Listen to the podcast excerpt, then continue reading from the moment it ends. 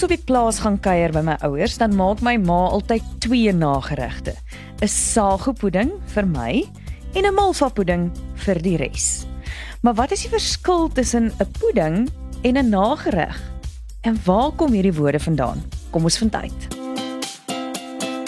Hoe nou? Met Suan Miller Maree en Gerard van Huisteen. Hoe nou word moontlik gemaak deur afrikaans.com. Jou tuiste vir alles oor Afrikaans. So Gerard, ek neem aan jy as jy moet kies, is jy eerder 'n voorgereg man as 'n nagereg man want dit eet mos nie suiker nie. inderdaad, inderdaad. Kyk, ek was op my dag, nê, nee, baie lief vir so 'n agterstalligheidjie mm. na 'n uh, heerlike stuk steak en sous en so aan, nê. Maar toe dis van te veel agterstalligheidjies wat ek nou lyk like, soos wat, wat ek lyk. Agtersteewe. presies, presies. So uh, nou net voorgereg. En jy? Ek is glo dit of nie ook 'n voorgereg ja. mens. Ek is nie regtig so verskriklike soet tand nie. Och, maar dis moeilik om te soog voor my ma se malva pudding of sago pudding. O, oh, maar jou ma kan natuurlik nie 'n malva pudding maak soos my ma nie. O, moenie laat ons nou hier begin. My ma se malva pudding is beter as joune nie.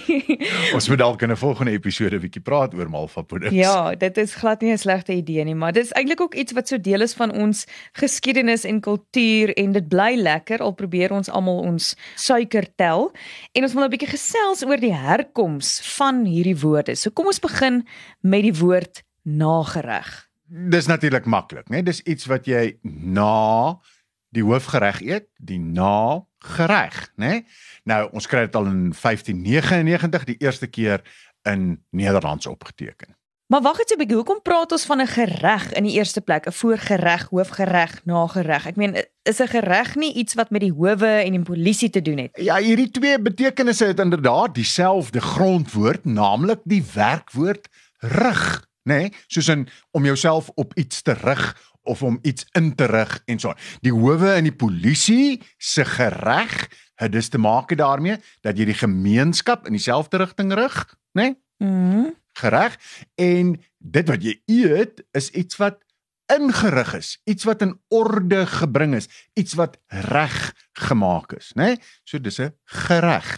Hm, okay, maar wat dan van 'n pudding? Het dit enige iets met gereg te doen? Enige verband? Uh nee, nee, die woord het nie noodwendig daarmee iets te doen nie. 'n Pudding is natuurlik 'n gereg, maar die woorde het niks met mekaar te doen nie. Die eerste optekening in 'n Afrikaanse woordeboek is in 1917 in die Afrikaanse woordelys en spelreëls waar dit toe met 'n o e en 1 d geskryf is, nê. Nee, anders as in Nederlands waar dit met 'n u en met 'n dubbel D geskryf word, né? Nee, in Nederlands en in Engels, en in Engels. skryf hulle dit presies dieselfde. Pudding, o. pudding, maar ons skryf dit al van 1917 af met 'n o e in 'n d, nee, 'n pudding. Dis soos 'n vuil doek, nê, nee, 'n pudding.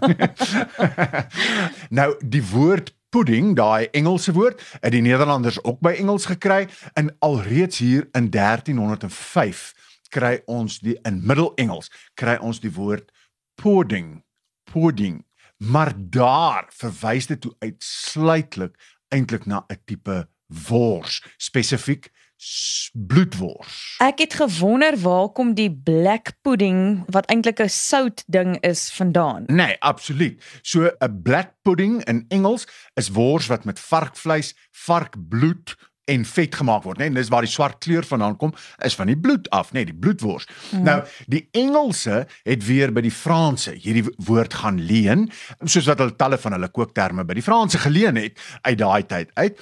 En die Franse woord was boudin. Boudin. Boudin. boudin. So jy mm. kan nou vir jouself dink boudin word pudding word pudding. OK. Nou daar hou die paadjie 'n bietjie op by hierdie Franse bloedwors.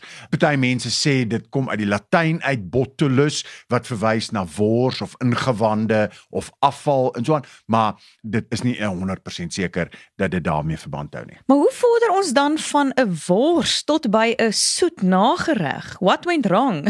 What went right? baie lekker, baie interessant eintlik, baie interessant. So die bloedwors is aanvanklik gemaak, net bloedwors word gekook. Ja. So dis aanvanklik in die maag, in die sakkie uh, in die varkmaag is daar die al die bloed in goed nou gegooi en is dit nou so gekook. So dit is in so 'n sakkie. Nou ken jy pudding wat in 'n sakkie gestoom word? 'n Stoom gestoomde pudding. Ehm um, So doekpudding, né? Nee, Oudtyd se Doekpudding. doekpudding word in so 'n sakkie gestoom. Och, dis lekker. En so het ons gekom dus van vleisgereg wat in 'n sakkie gestoom word na enige meelgereg wat dus in so 'n sakkie gekook word. En dis hoe jy dan uitkom by 'n soet pudding. Nou ja, van 'n nagereg wat dieselfde basis het as die gereg van die land tot 'n pudding wat baie te doen het met 'n bloedwors. Dit is waar die name vandaan kom, maar net nie nagesels ons oor die verskil inherënt tussen 'n nagereg en 'n pudding. So bly ingeskakel. Afrikaans is so lekker soos koeksisters, braaibroodjies en kondensmelk koffie. Dit is jou taal. Dit is wie jy is en hoe jy leef. Daarom nooi ons jou.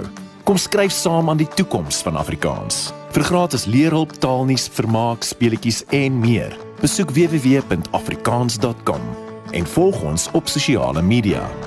Koop dit, lees dit, praat dit, leef dit. afrikaans.com. Jou tuiste vir alles oor Afrikaans.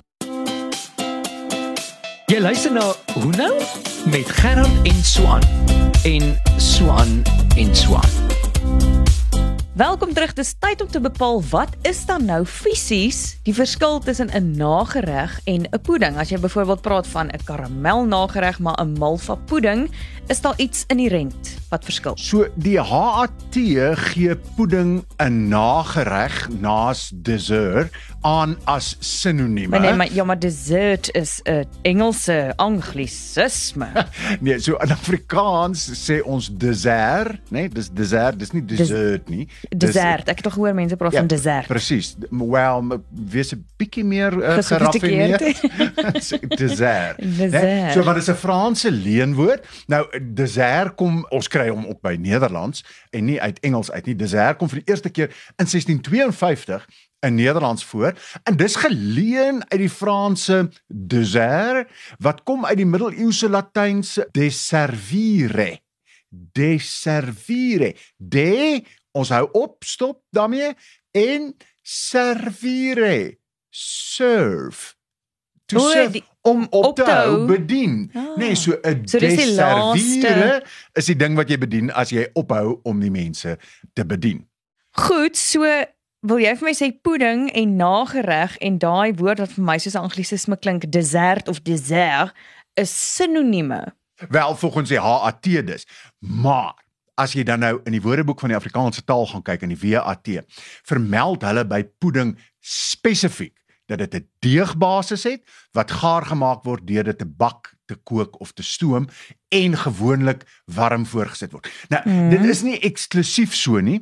Ons sien dat die woord pudding het eintlik alles oorgeneem, nê. Nee, Mm. so, sagopudding kan ook koud wees. En Ja. so so allerlei soorte puddings, dis nie net meer, maar 'n tipies 'n warm gestoofde, gekookte, gebakte pudding noem ons 'n pudding. So, ons kan dus sê dat 'n pudding is 'n soort nagereg terwyl nagereg en dessert sinonieme is, net soos wat ontbyt en diner sinonieme is. Maar hoe is ontbyt en diner sinonieme? Ons het dan in die aande gaan dans by 'n diner. Hoe nou? Ja, okay, goed. Dis nie meer vandag sinonieme nie. Vandag is sê nou maar diner en feesmaal eerder sinonieme. Maar die woord diner is ontleen aan weer eens die Franse natuurlik, diner wat kom uit die laat-Latynse dis jejunare. Dis jejunare wat beteken het om die vas te breek. Dieselfde as break fast. Breakfast. Né? Nee? Ah. En as jy ontbyt, daai ont beteken begin, ontbyt, jy begin byt, jy begin eet. So ontbyt, breakfast, breakfast en dan hierdie dis dis dis jejunare, dis jejunare beteken almal eintlik om te begin eet om die vas te breek. Nou natuurlik met ter jare het die betekenis toe nou verander en ontbyt is nou iets wat jy in die oggend doen en diner is dan nou iets wat jy in die aand doen. En omdat jy gesê het déjeuner, is dit nou tyd vir ons luisteraars terugvoer. So Sukie van Asweging skryf en sy sê sy gebruik ook nie die woord pudding nie want dit kom van die vyand af, van Engels af. En hoe moet ons daaroor dink? Ja, dis dis nou maar soos jy gesê het jy uh, hou nie van dessert nie. Dit klink vir jou na 'n uh, Engelse woord en so aan. Ek het probeer wys dat hierdie woorde eintlik dis almal uit Frans uitkom en uit Latyn uitkom, maar dis alnietemin ons het germ in Afrikaans. Het ons Germaanse woorde nagereg, feesmaal, ontbyt en ons het ander Romaanse woorde soos pudding, in diner, in elektrisiteit en maak nie saak wat nie, nê. Nee, al hierdie woorde is deel van ons woordeskat. Ons het Zulu woorde soos maaskaas, nê, nee, mm. en ons het ons het Maleise woorde soos bladjang. En yoghurt. En yoghurt. Ons gaan leen graag by al die ander tale en die kulture waarmee ons in aanraking kom.